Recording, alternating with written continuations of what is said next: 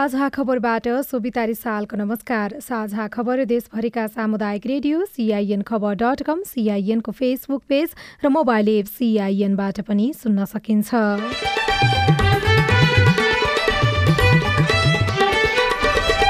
एक सय छत्तिसजना उम्मेद्वारले जरिवाना सहित खर्च विवरण बुझाए। अझै एक लाख तेइस हजारभन्दा धेरैले विवरण बुझाउन बाँकी। तिनै तहका निर्वाचन छुट्टा छुट्टै मितिमा गर्नुपर्ने निर्वाचन आयोगको निचोड। अहिले के लागिरहेको छ भने हामी अब निर्वाचन व्यवस्थापनको सन्दर्भमा थप क्रियाशील हुन जरुरी छ।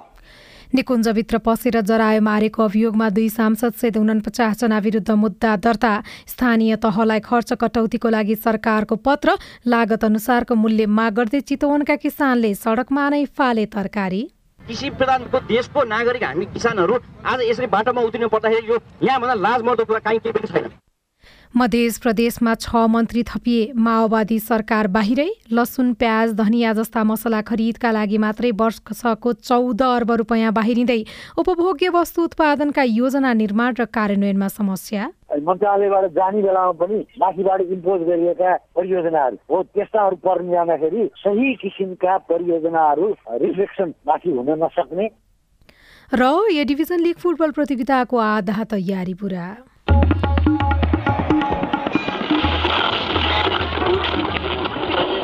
सयौं रेडियो। हजारौं रेडियो कर्मी र करोडौं नेपालीको माझमा यो हो सामुदायिक सूचना नेटवर्क सिआइएन व्यवस्थापन चुस्त दुरुस्त नहुँदा सरकारी कम्पनी र संस्थानको अवस्था झनझन खस्किँदो छ आफूलाई समयअनुकूल परिमार्जन गर्न नसक्दा कतिपय सरकारी संस्थान राज्यकै लागि सेतो हात्ती भएका छन्। आन्तरिक व्यवस्थापन भद्रगोल रहेको नेपाल वायु सेवा निगमले आन्तरिक टिकटमा अनलाइन प्रणाली सुरु गरेको छ। सरकारी संस्थान र कम्पनीका कमजोरी हटाउँदै गुणस्तरीय र प्रतिस्पर्धी बनाउन विलम्ब गर्नु हुँदैन अब खबर राजन रुचालबाट। तरकारीले उत्पादन अनुसारको लागत नपाएको भन्दै चितवनका किसानले नारायणगढको पुलचोकमा तरकारी फालेर विरोध जनाएका छन्। उनीहरूले भारतीय तरकारीको जथाभावी आयातले स्वदेशी तरकारी उत्पादक किसान मारमा परेको भन्दै नारायणगढ पुलचोकमा गोलभेडा काउली बन्दा फर्बर लगायतका तरकारी फालेर आन्दोलन गरेका हुन्। भरतपुरका अनुप सुवेदी बिस बिघा क्षेत्रफलमा व्यावसायिक तरकारी खेती गर्नुहुन्छ।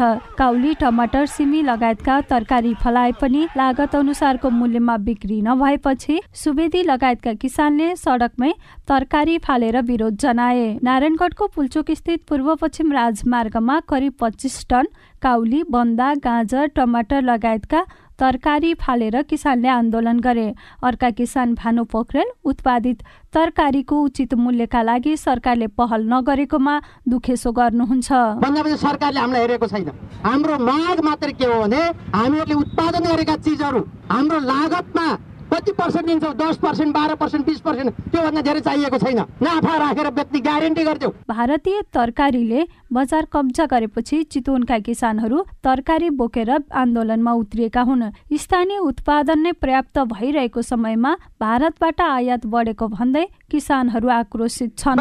गएर हाम्रो कुटो कोदालो गर्न छोडेर हामी यहाँ सडकमा आउन बाध्य भएका छौँ। नेपाललाई चिनाउँदाखेरि विश्वभर कृषि प्रधान देश भन्नुहुन्छ र कृषि प्रधानको देशको नागरिक हामी किसानहरू। आज यसरी बाटोमा उत्रिनु पर्दाखेरि यो यहाँभन्दा लाज मर्दो कुरा काहीँ केही पनि छैन। उत्पादित तरकारीले भाउ नपाउँदा किसानले भारतीय तरकारी आयात रोकिदिन सरकारलाई आग्रह गरेका थिए तर उनीहरूको मागको सुनवाई भएन।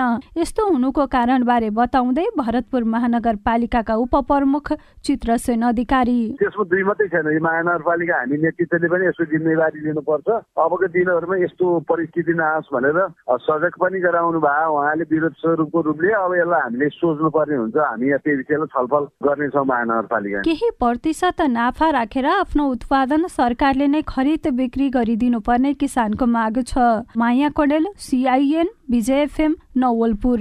स्थानीय तहको निर्वाचनमा उम्मेद्वार भई समयमै खर्च विवरण नबुझाएका एक सय छत्तिस उम्मेद्वारले जरिवाना रकमसहित खर्च विवरण बुझाएका छन्। उनीहरूले बुझाएको जरिवानाबाट साढे चार करोड राजस्व सङ्कलन भएको छ। निर्वाचन आयोगका अनुसार स्थानीय तह निर्वाचनमा उम्मेद्वार बनेका एक लाख तेइस हजार छ सय चौबिसजनाले भने अझै खर्च विवरण बुझाएका छैनन्। उनीहरूले आगामी फागुन मसान्तसम्म जरिवाना रकम बुझाउनु पर्ने र नबुझाएमा नियमअनुसारको कारवाही हुने आयोगका प्रवक्ता शालिग्राम शर्मा पौडेल पौडेलले सिआइएनसँग बताउनुभयो। आयोगले स्थानीय तहको निर्वाचन प्रयोजनका लागि जुन स्थानीय तहमा उम्मेद्वार भएर खर्चको विवरण नबुझाउने उम्मेद्वारहरूलाई जरिवाना गरेको हो त्यो करिब एक लाख चौबिस हजार उम्मेद्वार हुनुहुन्छ होइन? र त्यसको लागि छ महिनाको टाइम दिइएको थियो। र छ महिनाको टाइम भनेको आगामी फागुनको मसान्तमा कम्प्लिट हुन्छ। र अहिलेसम्म करिब एक सय छत्तिसजनाले बुझाइसक्नु भएको छ भने बाँकीको बुझाउनु बाँकी छ। र अब यो नबुझाउँदा त अब निर्वाचन आयोग ऐनमा उल्लेख छ। नबुझाएमा विजयी भएको हाल चाहिँ पदमा हुनुहुन्छ भनेदेखि उहाँको पद त्यो निर्वाचन रद्द हुन्छ। त्यसपछि छ वर्षसम्म उम्मेदवारी दिन नपाउने र असुल चाहिँ सरकारी बाँकी र असुल गर्ने लगायतका कुराहरू ऐनमा व्यवस्था छ। निर्वाचित वा पराजित उम्मेद्वारले जरिवाना रकम नबुझाउने उम्मेद्वारले आगामी छ वर्षसम्म कुनै पनि चुनावमा भाग लिन पाउने छैनन्। निर्वाचन आयोग ऐन दुई हजार त्रिहत्तरको दफा छब्बिसको उपदफा पाँचमा निर्वाचन स्वच्छता सम्बन्धी व्यवस्था यसरी निर्धारण गरिएको छ जहाँ निर्वाचन खर्च नबुझाएको र निर्वाचन आयोगले तोकेको समय सीमाभित्र जरिवाना समेत नबुझाउने व्यक्ति निर्वाचित भएको रहेछ भने निजको निर्वाचन स्वत बदर हुने उल्लेख गरिएको छ। यसैबीच निर्वाचन आयोगले तीन तहका निर्वाचन छुट्टा छुट्टै मितिमा गर्नुपर्ने निचोड निकालेको छ। स्थानीय तह प्रदेश सभा र प्रतिनिधि सभा निर्वाचन सकिएपछि त्यसबारे समीक्षा गरिरहेको आयोगले तीन तहका निर्वाचन छुट्टा छुट्टै मितिमा गर्दा उपयुक्त हुने निचोड निकालेको हो। समीक्षाकै क्रममा आज सञ्चारकर्मीसँग भेट गर्दै प्रमुख निर्वाचन आयुक्त दिनेश कुमार थपलियाले प्रतिनिधि सभा र प्रदेशसभा निर्वाचन एकै समयमा गर्दा प्रदेशको एजेन्डा ओझेलमा परेको अनुभव सुनाउनुभयो। अहिले के लागिरहेको छ भने हामी अब निर्वाचन व्यवस्थापनको सन्दर्भमा थप क्रियाशील हुन जरुरी छ। हामी यो निर्वाचनबाट सिकेका पाठलाई आगामी निर्वाचनमा अबको निर्वाचन साँच्चै नै स्वच्छ स्वतन्त्र निष्पक्ष र भयरहित वातावरणमा मितव्ययी ढङ्गले विश्वसनीय र पारदर्शी रूपमा सम्पन्न कसरी गर्न सकिन्छ भनेर नीतिगत र प्रक्रियागत सुधारको प्रक्रियालाई पनि हामीले अगाडि बढाउनु पर्ने अवस्था छ। मध्य प्रदेशमा मन्त्री परिषद विस्तार भएको छ। आज मुख्यमन्त्री सरोज कुमार यादवले छजना मन्त्री र तीन राज्य मन्त्री नियुक्त गर्नुभएको हो। महेश प्रसाद यादव शिक्षा विज्ञान तथा प्रविधि तथा वाणिज्य मन्त्री सुरिता कुमारी शाह सामाजिक विकास मन्त्री शत्रुघ्न प्रसाद सिंह गृह तथा सञ्चार मन्त्री सिंहासन साकलवार खानेपानी तथा ऊर्जा विकास मन्त्री राजकुमार लेखी कानून न्याय तथा प्रदेश सभा मामिला मन्त्री र मोहम्मद जयद आलम महिला बालबालिका युवा तथा खेलकुद मन्त्री नियुक्त हुनुभएको छ। प्रदेश सरकारमा नेकपा माओवादी केन्द्र भने सहभागी भएको छैन। निकुञ्जभित्र पसेर जरायो मारेको घटनामा पर्सा राष्ट्रिय निकुञ्जले दुईजना प्रदेश सांसद सहित उनान्चासजना विरुद्ध मुद्दा दर्ता गरेको छ। गत पुष चौध गत पुष चार गते निकुञ्जको जङ्गलबाट मृत जरायो र बन्दोबस्तीका सामानसहित पाँचजना पक्राउ परेका थिए। सोही घटनामा पैँतालिस दिनको अनुसन्धानपछि निकुञ्जले प्रदेश सांसदहरू प्रमोद जयसवाल र श्याम बहादुर खड्कासहित उनान्चासजना विरुद्ध मुद्दा दर्ता गरेको हो। पर्साको सखुवा पर्सोनी गाउँपालिकाका पूर्व अध्यक्ष प्रदीप जयसवाल विरुद्ध पनि मुद्दा दर्ता भएको पर्सा राष्ट्रिय निकुञ्जका सूचना अधिकारी सूर्य खड्काले जानकारी दिनुभयो। सङ्घीय मामिला तथा सामान्य प्रशासन मन्त्रालयले देशभरिका स्थानीय तहलाई खर्च कटौतीको लागि परिपत्र गरेको छ। अर्थ मन्त्रालयले माघ सत्र गते निर्णय गरेर सबै प्रदेश र स्थानीय तहमा आर्थिक वर्ष उनासी अस्सीको चालुतर्फको अनिवार्य बाहेक बिस प्रतिशत खर्च कटौती गर्ने निर्णय गरेको थियो। सोही निर्णयको आधारमा सङ्घीय मामिला मन्त्रालयले सबै स्थानीय तह र जिल्ला समन्वय समितिलाई खर्च कटौती गर्न परिपत्र गरेको हो। यसैबीच प्रधानमन्त्री पुष्पकमल दाहाल प्रचण्डले देशको अर्थतन्त्रमा आएको समस्याबारे बताउनु भएको छ। सिन्धुपाल्चोकमा आयोजित एउटा कार्यक्रममा प्रधानमन्त्री प्रचण्डले अहिले सिङ्गो अर्थतन्त्रमा संवेदनशील र गम्भीर समस्या आएको बताउनुभयो। सर्वोच्च अदालतले प्रदेश र स्थानीय तहमा समायोजन भएका कर्मचारीलाई लोकसेवा आयोगले खोल्ने विज्ञापनमा उमेर हद लगाएर नरोक्न अन्तरिम आदेश दिएको छ। नेपाल निजामती कर्मचारी संगठनको तर्फबाट उपमहासचिव युवाचन्द्र घिमिरेले दायर गरेको रिटमाथि सुनवाई गर्दै सर्वोच्चका न्यायाधीश कुमार चुडालको एकल इजलासले आज लोकसेवाले दरखास्त आह्वान गरेका विज्ञापनमा प्रदेश र स्थानीय तहमा समायोजन भएका कर्मचारीलाई उमेर हदका कारण सहभागी हुनबाट नरोक्न आदेश दिएको हो। प्रतिनिधि सभामा कैलाली दुईबाट नागरिक उन्मुक्ति पार्टीका तर्फबाट निर्वाचित सांसद अरुण कुमार चौधरी कारागार चलान भएका छन्। ट्र्याक्टरमा आगजनी गरेको कसुरमा कैलाली जिल्ला अदालतले छ महिना कैद र आठ लाख अठार हजार चार सय तेइस रुपियाँ क्षतिपूर्ति दिन आदेश दिए पनि फरार रहेका चौधरीलाई प्रहरीले हिजो बाँकेबाट पक्राउ गरेको थियो। यसैबीच सांसद चौधरीलाई रिहा गर्न नागरिक उन्मुक्ति पार्टीले जुलुस निकालेको छ। साझा खबरमा अब खेल खबर। आसन्न शहीद स्मारक ए डिभिजन लिग फुटबल प्रतियोगिताको आधा तयारी पूरा भएको छ। अखिल नेपाल फुटबल सङ्घ एन्फाले आज पत्रकार सम्मेलनको आयोजना गर्दै लिगको आधा तयारी पूरा भएको जनाएको छ। र बलात्कारको अभियोग लागेका नेपाली राष्ट्रिय क्रिकेट खेलाडी सन्दीप लामिछाने विरुद्धको मुद्दामा सबै कागजात पेश गर्न सर्वोच्च अदालतले आदेश दिएको छ।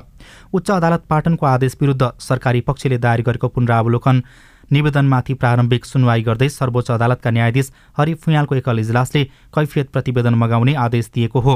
न्यायाधीश फुयालको आजको इजलासले सन्दीप विरुद्ध मुद्दा दर्तादेखि उच्च अदालत पाटनबाट धरौटीमा छोड्ने आदेशसम्मका फाइलहरू मगाउन भनेको हो। लामिछानेलाई बिस लाख रुपियाँ धरौटीमा रिहा गर्न उच्च अदालत पाटनले पुस अठाइस गते आदेश दिएको थियो। राजन चाल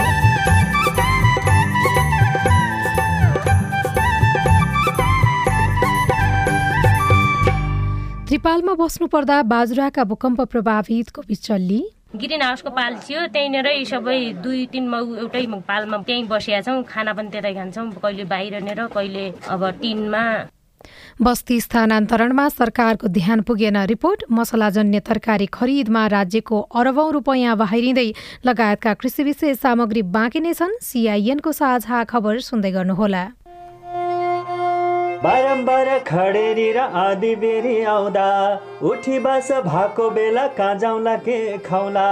सुक्खा ठाउँमा बाँच्न सक्ने बोट बिरुवा रोपौँ। खाली ठाउँमा हरियाली बाढी पहिरो रोकाउँ कृषि भूमि व्यवस्थापन विकास कार्य गर्दा राम्रो हुन्छ गाउँ घर ज्ञान सिप जोड्दा। घाँसे मैदान चरण क्षेत्र पानी कामुल जोगाउँ। पशुपालन कृषि गरी छोरा छोरी पढाउँ। परिवर्तन हुँदा नि जलवायु बाँच्न मिल्छ जीवनको सत आयो बाँच्न मिल्छ जीवनको सत आयो बाँच्न मिल्छ जीवनको सत आयो। जलवायु परिवर्तनले निम्ताएका चुनौतीको सामना गर्न जमिन जल र प्राकृतिक स्रोत व्यवस्थापनका सर्वोत्तम उपलब्धिहरूको कार्यान्वयन गरौँ। पारिस्थितिकीय प्रणालीमा आधारित अनुकूलन आयोजना जलवायु परिवर्तन तथा व्यवस्थापन महाशाखा वन तथा वातावरण मन्त्रालय र सिआइएन खै यतै कतै कतै भन्थे यता हो कि तल हो कि माथि कता सर नमस्ते हजुर नमस्ते नमस्ते हजुर के सेवा गरौँ सूचनाको हक भन्ने बारेमा रेडियो टिममा खुब सुनिन्थ्यो हजुर आज पालिकामा छिरेको बेलामा सोधिहाले हजुरलाई तपाईँले सही व्यक्तिलाई सही प्रश्न सोध्नुभयो म चाहिँ यो पालिकाको सूचना अधिकारी हुँ सूचनाको हक भनेको संविधान कानूनमा उल्लेख भएको नागरिकको अधिकार हो हजुर अनि यो अधिकार त पत्रकारले मागे पाए भन्ने मात्रै सुनिन्छ त हामी जस्ता सामान्य मानिसले कसरी प्रयोग गर्ने? सूचना माग्ने पत्रकारले मात्रै होइन। कुनै पनि नेपाली नागरिकले सूचना प्राप्त गर्ने कारण उल्लेख गरी सम्बन्धित सूचना सूचना अधिकारी समक्ष निवेदन दिनुपर्छ। विधि र प्रक्रिया पूरा गरी निवेदन प्राप्त भयो भने सूचना अधिकारीले पन्ध्र दिनभित्रमा उपलब्ध गराउनु पर्ने सूचनाको हक सम्बन्धी ऐनमा भनिएको छ। पन्ध्र दिन पो कुर्नु पर्ने व्यक्तिको जीवनको सुरक्षासँग सम्बन्धित सूचना माग गरिएको हो भने नि हजुर चौबिस घन्टाभित्रै जानकारी दिनुपर्छ। अनि सरकारी वा सार्वजनिक निकायका अधिकारीले सूचना लुकाएमा पच्चिस हजारसम्म जरिवाना हुने व्यवस्था ऐनमा छ। त्यसका लागि चाहिँ राष्ट्रिय सूचना आयोगमा पुनरावेदन गर्नुपर्छ। अनि यो सूचना माग्दा पैसा पनि लाग्छ? लाग्दैन लाग्दैन। निवेदन उजुरी र पुनरावेदन गर्दा पैसा लाग्दैन। सम्बन्धित निकायले दिने सूचना दस पन्ना भन्दा बढीको भएमा चाहिँ प्रति पन्ना पाँच रुपियाँ तिर्नुपर्छ। ल कुरो बुझ्यो। अब भोलि नै म पनि सूचना माग्न आउँछु। हस् हस्।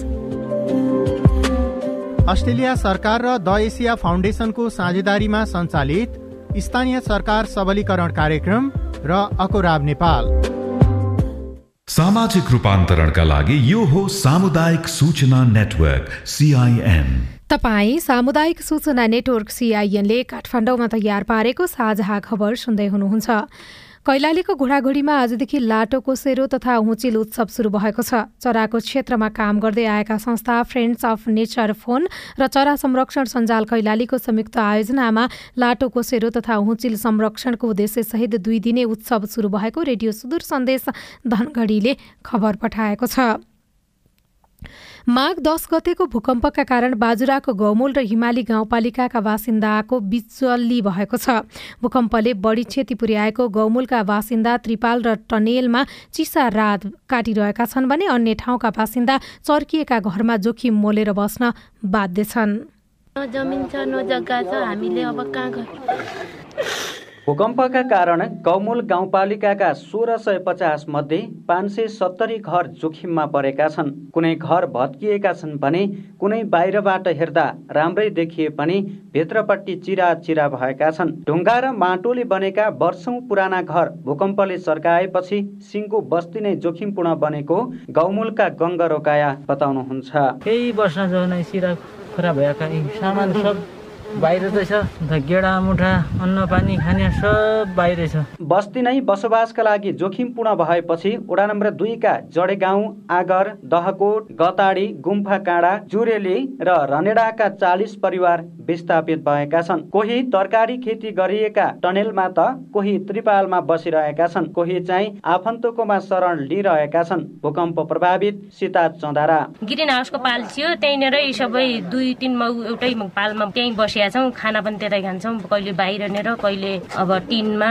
तीन वर्ष अघि बाढी पहिरोले खेतबारी बगाएको गौमल दुईमा भूकम्पले बस्ने घर भत्काइदिएपछि थप बिचल्ली भएको छ। चिसोले कठ्याङ्गिदो रात पालमुनि कटाउनु पर्दा ज्येष्ठ नागरिक गर्भवती सुत्केरी र शिशुलाई जोगाउन सकस पाएको भूकम्प प्रभावित गीता रोकाया सुनाउनुहुन्छ। भोलि बच्चालाई गाह्रो अवस्था हुन सक्छ हामीलाई पनि गाह्रो अवस्था छ। अब राति पनि मुथुमनी तुवारो बढी आउँदछ ओड्ने कपडा छैन खाना घाँस छैन बस्ने आवास छैन भूकम्प प्रभावितले तत्काल वासस्थानको व्यवस्थापन गर्न माग गरेका छन्। भूकम्प गएको हप्ता दिन बितिसक्दा पनि उचित राहत र बस्ती स्थानान्तरणमा ध्यान नदिएको प्रति उनीहरूको गुनासो छ। गौमूल गाउँपालिकाका धनलाल रोकाया। जमिन जग्गा भन्ने त नामै छैन होइन? बस्ने ठाउँ त्यही घर त छिया त्यही घर पनि एक्कासी हुकुम आएर बस्ने अवस्थै छैन। बालबच्चादेखि लिएर बुढाबुढी छन् चिसो मौसम छ। हामीलाई तत्काल घरको व्यवस्था भइदियो भने हामी साह्रै खुसी हुन्थ्यौँ। पालिका र जिल्ला प्रशासन कार्यालय भने क्षतिको विवरण सङ्कलनमा व्यस्त रहेको बताउँछन्। प्रभावितलाई राहत र व्यवस्थापनका लागि के भइरहेको छ त कौमल गाउँपालिकाका अध्यक्ष हरिबहादुर रोकाया। सबै परिवारहरूलाई हामीले त्रिपाल दिने क्रम चाहिँ जारी छ। र कोही परिवारहरू चाहिँ अर्काको घरमा सहारा गरेर बसिराख्नु भएको छ भने कतिपयले त्रिपाल नै बसिराख्नु भएको छ। प्राय सबै घरहरू पनि स्थानान्तरण गर्नुपर्ने हाम्रो बाध्यता छ। बाजुराका नौवटा स्थानीय तह मध्ये आठवटामा भूकम्पले क्षति पुर्याएको छ। तर आवश्यक राहत र बसाइको प्रबन्ध नहुँदा भूकम्प प्रभावितलाई आफ्नो दुःखको घाउमा नोनचुक छर्के जस्तो भइरहेको छ। जीवन कैला सिआइएन रेडियो बुढी नन्दा कोल्टी बाजुरा। साझा खबरमा अब हेलो सिआइएन सिआइएनको फेसबुक पेजमा ललितपुरबाट अमित लिम्बुले लाइसेन्स नवीकरणको लागि के के आवश्यक पर्छ भनेर सोध्नु भएको छ। यसबारेमा जानकारी दिँदै हुनुहुन्छ यातायात कार्यालय ललितपुर एकान्त कुनाका सूचना अधिकारी रमेश महर्जन। सकल लाइसेन्स र सकल नागरिकता बोकेर आउने त्यति भए पुगिहाल्छ। एक सय एक नम्बर कोठामा लाइन बस्ने टोकन लिने अनि त्यहीँबाट एक सय दुई एक सय तिन हुँदै त्यहीँबाट अगाडि बढ्छ। चेतन विश्वकर्मा बाजुराको शनि कार्तिक एकदेखि नागरिकता र जन्म दर्तामा एउटा र बाह्रको मार्गसिटमा एउटा जन्ममिति भएछ। जन्ममिति नसच्याउन्जेलसम्म कुनै आयोग लड्न पाउँछु कि पाउँदिन। जवाफ दिँदै हुनुहुन्छ लोकसेवा आयोगका प्रवक्ता तोय नारायण सुवेदी। जन्म मिति त यहाँले एउटै बनाउनु पर्ने हुन्छ पछि यहाँलाई चाहिँ समस्या पर्न सक्ने सम्भावना देखिन्छ। अहिले त्यति कुराले चाहिँ आयोगको परीक्षामा फर्म भर्नबाट वञ्चित हुने अवस्था चाहिँ छैन। नमस्कार म उद्धव डुम्रे मेरो ठेगाना वालिङ चौध स्याङ्जा। लोकसेवा आयोगको दुई हजार उनासी असीको राजपत्राङ्कित तृतीय श्रेणी शाखा अधिकृत पदको परीक्षा यही मिति दुई हजार उनासी माघ अठाइस गते तोकिएकोमा सोही मितिमा हुन्छ वा हुँदैन? यो प्रश्न पनि हामीले सुवेदीलाई नै सुनाएका छौँ। अहिलेसम्म हामी यही मितिमै परीक्षा गर्ने भनेर चाहिँ गरिरहेछौँ। अहिलेसम्म लोकसेवा आयोगले चाहिँ परीक्षा साह्रै अवस्था चाहिँ छैन। यहाँले चाहिँ लोकसेवा आयोगको वेबसाइट पनि हेर्नु पर्यो अनि अपडेट भइराख्नु पर्ने भयो। अब अदालतले विभिन्न आदेशहरू दिएको छ। स्थानीय तहका कर्मचारीलाई उम्मेदवार नलगाइकन उम्मेद्वार हुनु पर्यो भनेर इस्युहरू आछन् त्यो आधारमा आयोगले एड्रेस गरेर अहिले पनि हामी एकतिसजना निवेदकहरूको हकमा चाहिँ हामीले दरखास्त फारम भर्ने भनेर भनेका छौँ। आजको अवस्थामा लोकसेवा आयोग अठाइस गतिकै मितिमा जाँच गर्ने गरी हामी अगाडि बढेका छौँ। अदालतको थप आदेश आएर अरू केही भयो त्यो खालको आदेश आएर रोक्न पर्ने अवस्था आयो भने रोकेर नभए अहिलेको अवस्थामा चाहिँ परीक्षा रोकिन्न भन्नेमा चाहिँ छौँ। आयोग त्यसरी अगाडि बढिरहेको अवस्था चाहिँ छ तपाईँ जुनसुकै बेला हाम्रो टेलिफोन नम्बर शून्य एक बाहन्न साठी छ चार छमा फोन गरेर आफ्नो प्रश्न जिज्ञासा गुनासा अनि प्रतिक्रिया रेकर्ड गर्न सक्नुहुनेछ।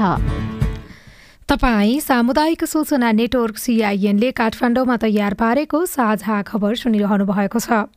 लसुन प्याज धनियाँ जस्ता मसलाजन्य सामग्री खरिदमा वर्षको चौध अर्बभन्दा बढी बाहिरिँदै अचार अनि जस्तो अब मासुमा अनि त्यसपछि परोठाहरूमा होइन? जेमा पनि युज हुन्छ नि त। प्रायः किनि नै रह हुन्छु म। करेसाबारीमा फलाउन सकिन्छ तर उपभोक्ता बजारमा निर्भर। रिपोर्ट दैनिक उपभोग्य वस्तुमा आत्मनिर्भर बन्ने सरकारका योजना किन प्रभावकारी बन्न सक्दैनन्? रेडियो कुराकानी सहितका सामग्री बाँकी नै छन्। सिआइएनको साझा खबर सुन्दै गर्नुहोला। बाल विवाह विरुद्ध धर्मगुरुहरूको प्रतिबद्धता। वैदिक साहित्यमा बाल विवाह छैन। बाल विवाह हाम्रो मण्डली अन्तर्गत भएको छैन।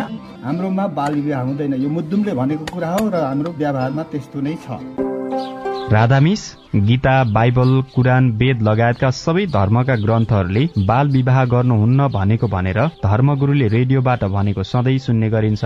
तर किन बाल विवाह अन्त्य नभएको होला? हाम्रो नगरलाई बाल विवाह मुक्त गराउन अब के गर्ने होला? त्यो त हो नगर प्रमुख ज्यू भनेर मात्रै पुग्दैन। सबै धर्मका धर्मगुरुहरूले म बाल विवाह गराउने काममा संलग्न हुन्न भनेर प्रतिबद्धता जनाउने र अरूलाई पनि त्यस्तै सिकाउने कार्य गर्न सके मात्रै त्यो कार्य प्रभावकारी हुन्छ। अनि बाल विवाह विरूद्ध काम गर्ने संघ संस्थाहरू र तपाईँहरू जस्ता स्थानीय सरकारले पनि धर्मगुरू र धार्मिक अगुवाहरूलाई यो अभियानमा सँगसँगै सहभागी गराएर अघि बढाउन सके। बाल विवाह लगायतका हानिकारक परम्परागत अभ्यास अन्त्य गर्न सकिन्छ। हुन्छ राधा मिस म त्यसै गर्छु। ओल्ड भिजन इन्टरनेसनल नेपाल र अकुराब। सामाजिक रूपान्तरणका लागि यो हो सामुदायिक सूचना नेटवर्क सिआइएन तपाई सामुदायिक सूचना नेटवर्क सिआइएनले काठमाडौँमा तयार पारेको साझा खबर सुनिरहनु भएको छ। लसुन प्याज जिरा धनियाँ मेथी अदुवा बेसार जस्ता मसलाजन्य तरकारी नेपालीको भान्सामा अनिवार्य जस्तै छ। यस्ता मसलासँग स्वाद मात्रै होइन संस्कार पनि जोडिएको छ। सानो क्षेत्रफल र थोरै मेहनतमा नै उत्पादन गर्न सकिने यस्ता मसला खरिदकै लागि नेपालबाट वर्षेनी अर्बौं रकम बाहिरिरहेको छ। जसरी घर वरिपरिको जमिन बाँझो हुने क्रम बढ्दैछ आयात पनि बढिरहेको छ। आफूले भान्सामा दैनिक प्रयोग गर्ने मसला आफैले फलाउन सके मात्र मात्रै पनि अर्बौं रकम देश बाहिर जानबाट जोगिने देखिन्छ। जुनसुकै हावापानी र माटोमा सजिलै फलाउन सकिने लसुन प्याज अदुवा मेथी बेसार जस्ता मसला खरिदका लागि नेपालबाट वर्षेनी कम्तीमा चौध अर्ब रकम बाहिरिरहेको छ। पछिल्लो बीस वर्षको तथ्याङ्क हेर्दा भान्सामा प्रयोग हुने मसलाका लागि खर्च हुने रकम चौध गुणाले बढिरहेको छ। सहरीकरण बढ्नु मानिसले चाहने सुविधा थपिँदै जानु र करेसाबारी घट्नुको परिणामले अर्थतन्त्रमा दबाव परिरहेको छ। यसको एउटा प्रमुख कारणमा हाम्रो जुन खेती प्रणालीहरू गर्ने गरिरहेका थियौँ विगतमा त्यसमा परिवर्तन आयो। घर घरमा आफ्नो मसलाहरू सबै आफै उत्पादन गर्ने आफै खाने थियो। त्यो छोडे चालु आर्थिक वर्षको छ महिनामा छ अर्ब बढीको यस्ता मसला आयात भएको छ। हरियो धनियाँ लसुन प्याज र मेथी बिना नेपालको भान्सा अपूर्ण जस्तै हुने क्रम बढ्दै जाँदा करेसाबारी गर्ने क्रम घटिरहेको छ। जोरपाटीका अन्जु थापा। अचार अनि जस्तो अब मासुमा अनि त्यसपछि परोठाहरूमा होइन जेमा पनि युज हुन्छ नि त। प्रायः किनि नै रह हुन्छु म। एउटा सानो त्यो माछाको क्रेटमा चाहिँ रोपिरहेको छु अहिले त्यतिले त पुग्दैन है। पुग्दैन। पुग्दैन तब पनि फेरि किन्नु परिहाल्छ। घरको आँगन वा छतमा बाह्रै महिना फलाउन सकिने धनियाँ मात्रै वार्षिक एक अर्ब बराबरको आयात हुन्छ। सजिलै फलाउन सकिने यस्ता मसला खरिद गर्ने क्रम पछिल्ला वर्षमा झन बढिरहेको मसलाकै व्यापार गर्दै आउनुभएका सरु श्रेष्ठको अनुभव छ। लसुन धनियाँ यहीँकै मिठो हुन्छ नि। मान्छेले त्यो सोध्दैन। सबै त्यही अब देशी धनियाँ मात्रै खोज्ने क्या उनीहरूले खोज्छ कस्तो पनि त्यही ठुल्ठुलो पात भएको सब्रेको त्यो राम्रो देख्छ हाम्रो यहाँको नराम्रो देख्दो रहेछ। प्रत्येक परिवारले आफ्नो घरलाई आवश्यक पर्ने मसला आफ्नै करेसा बारीमा फलाउन सके घरको रकम घरमै बस्ने मात्रै होइन देशको अर्थतन्त्रमा समेत सहजता पुग्नेछ। तर सरकारको प्राथमिकतामा मसलाजन्य तरकारीको उत्पादन छैन। कृषि तथा पशुपन्छी विकास मन्त्रालयका प्रवक्ता प्रकाश कुमार सञ्जेल। त्यति ठुलो प्रायोरिटाइज प्रोग्रामहरू होइन स्थानीय तहको आवश्यकता सम्भाव्यता सबै ठाउँमा फेरि यो मसलाको कार्यक्रम सम्भाव्य पनि छैन होइन? अनि जुन प्रदेश वा स्थानीय तहमा पोटेन्सियल छ हो त्यहाँ चाहिँ ती कार्यक्रमहरू स्थानीय तह मार्फत नै सञ्चालन भएको छ। कतिपय ठाउँमा हामीले वित्तीय हस्तान्तरण गर्ने गरेको हो। तर अब जस्तो केन्द्रीय रूपमा छुट्टै मसला त्यो कार्यक्रम त्यस्तो चाहिँ छैन। सरकार धान गहुँ मकै जस्ता खाद्यान्नमा आत्मनिर्भर हुने गरी योजना बनाउँछ।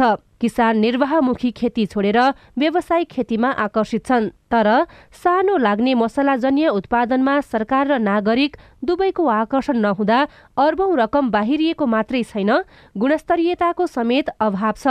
प्रत्येक परिवारले करेसाबारीलाई कसरी सक्रिय बनाउन सक्लान्? पूर्व कृषि सचिव कृष्ण प्रसाद पोखरेल। हाम्रा खेतबारी बाँझा पाखा जम्मै नाङ्गै छन्। अब तिनीहरूलाई त्यसमा चाहिँ अनि आउटपुटमा आधारित अनुदान दिनु पऱ्यो त्योसँग पनि जोडिएको छ कि। अहिले हामी सुरुमै अनुदान दिन्छौँ खेती उत्पादन गरेर एक किलोमा बिस रुपियाँ त इन्डियाबाट ल्याउन ट्याक्स लागु रहेछ होइन? केही किसान हाम्रो किसानलाई दिउँ भने त या किसानहरू त एक एक सबैजना आइहाल्छ नि त्यस्तो खालको पोलिसी नै एउटा समस्या बिस वर्ष अघिसम्म यस्ता मसलाजन्य तरकारीका लागि नेपालबाट लगभग एक अर्ब मात्रै रकम बाहिरिने गरेको थियो। यो दर वर्षेनी बढिरहेको छ। सुशीला श्रेष्ठ सिआइएन काठमाडौँ। सरकारले दैनिक उपभोग्य वस्तुमा आत्मनिर्भरका योजना हरेक वर्ष बनाउँछ तर कार्यान्वयन प्रभावकारी नभएका कारण नतिजा सोचे जस्तो देखिने गरेको छैन। दैनिक उपभोग्य वस्तुको उत्पादनका योजना निर्माण र कार्यान्वयनमा देखिएको समस्या के हो? हामीले राष्ट्रिय योजना आयोगका पूर्व उपाध्यक्ष दिपेन्द्र बहादुर छेत्रीलाई सोधेका छौँ। प्याजमा चाहिँ आत्मनिर्भर बन्नको निमित्त योजना बनाउने भनेर एक दुई साल कोसिस पनि गरियो। पछि गएर त्यो चाहिँ फिएस्कोमा गयो क्या। अब प्याजको सन्दर्भमा तपाईँले बनाएको योजना अथवा गरिएको अभ्यास चाहिँ के थियो? मैले बनाएको भन्दा पनि मन्त्रालयकै कतिपय टेक्निसियनहरूले लिएर आएको कुरालाई मैले खालि सकारात्मक रूपले हेरेर अगाडि बढाउनुपर्छ भने मात्रै प्याज उत्पादन हुन सक्ने वस्तुगत किसिमका परिस्थितिहरू के के हुन् भन्ने पत्ता लगाएर त्यो एरियामा चाहिँ मल बिउ लगायत किसानहरूलाई प्रोत्साहन दिने र त्यसलाई बजारीकरणको निमित्त पनि मद्दत गर्ने भन्ने थ्योरिटिकल किसिमको प्रावधान थियो। हरेक सरकारले मुख्य बालीलाई उत्पादन बढाउने आत्मनिर्भरको कुरा गर्छन् तर सहायक रूपमा भनिए पनि दैनिक रूपमा उपभोग्य सामग्रीको रूपमा त लसुन प्याज लगायतका यी सबै तरकारीहरूको आवश्यकता पर्छ नै। यतातिर ध्यानै गएको छैन कि अथवा थोरै गयो? गुन्द्रुकसँग ध्यान बेलुको छाक टार्छन् भन्छौँ। त्यो गुन्द्रुक चाहिँ तिब्बतबाट नआयो भनेदेखि हामीसँग चाहिँ चुलो जल्दो रहन्छ भन्ने कुरा पनि उजागर गर्नुपर्ने भयो कोदो पनि हामीले चाहिँ गुजरातबाट आयात गरेर छौँ सबै कुरालाई हेर्ने हो भनेदेखि हाम्रो जनशक्तिको उचित उपयोग गर्ने दिशामा प्लानिङ गरेनौँ भने एक दुई वर्षमा हामी साँच्चै भन्दै भनेदेखि भोकमरीमा पर्न सक्ने सम्भावना चाहिँ बढेर जाने योजना अहिलेसम्म बन्दै बनेन कि अथवा बन्छन् तर त्यसको कार्यान्वयन नहुँदाखेरि यस्तो अवस्था आउँछ भन्न खोजे? होइन योजना त बन्ने भयो ट्याडी जोन भन्यो तराईतिरका उसलाई त्यसो गरेका छ। फलफुल जोन भने मुस्तान भनेको छ। त्यस्तो कुराहरू त छन् के? तर कार्यान्वयनको दिशामा जाने क्रममा गइसकेपछि कहाँनिर टुटफुट हुन्छ कहाँनिर बजेट समयमा जाँदैन अनि बजेट गएको पनि जुनै किसिमको मान्छे हो नि त्यसले पाउँदैन। सानो सानो विषयवस्तुमा पनि योजना बनाएर कार्यान्वयन गर्ने कुरा राष्ट्रिय योजना आयोगले हेऱ्यो कि हेरेन भन्ने कुरा हो कि अथवा मन्त्रालयबाट त्यो प्रस्ताव योजना आयो कि आएन अथवा मन्त्रीले त्यो विषयमा सोचेको छ कि छैन भन्ने कुरालाई महत्व राख्दो रहेछ? स्थानीय स्तरमा चाहिँ महत्वाकांक्षी कुराहरू पनि प्रवेश हुँदै जान्छन्। त्यसलाई प्राथमिकतामा केमा राख्ने केमा राख्ने भन्दा भन्दै मन्त्रालयमा गएपछि आधा छनौट हुँदो रहेछ। मन्त्रालयबाट जाने बेलामा पनि माथिबाट इम्पोज गरिएका परियोजनाहरू हो। त्यस्ताहरू पर्ने जाँदाखेरि सही किसिमका परियोजनाहरू रिफ्लेक्सन माथि हुन नसक्ने भएको हुनाले यसबाट मान्छेहरू अलिकति निरुत्साहित हुने सरकारका नीतिप्रति कम चासो राख्ने र त्यस्तो प्रवृत्ति बढ्दै जाँदो रहेछ। एक सय छत्तिसजना उम्मेद्वारले जरिवाना सहित खर्च विवरण बुझाएका छन्। अझै एक लाख तेइस हजारभन्दा धेरैले विवरण बुझाउन बाँकी छ। तिनै तहका निर्वाचन छुट्टा छुट्टै मितिमा गर्नुपर्ने निर्वाचन आयोगले निचोड निकालेको छ। निकुञ्जभित्र पसेर जराए मारेको अभियोगमा दुई सांसदसहित उनापचासजना विरुद्ध मुद्दा दर्ता भएको छ र स्थानीय तहहरूलाई खर्च कटौतीको लागि सरकारले परिपत्र गरेको छ। हवस् आजलाई साझा खबरको समय सकियो प्राविधिक साथी सुभाष पन्तलाई धन्यवाद। भोलि माघ एक्काइस गते बिहान छ बजेको साझा खबरमा फेरि भेटौँला। अहिलेलाई सोभिता रिसाल पनि बिदा हुन्छु। नमस्कार शुभरात्री।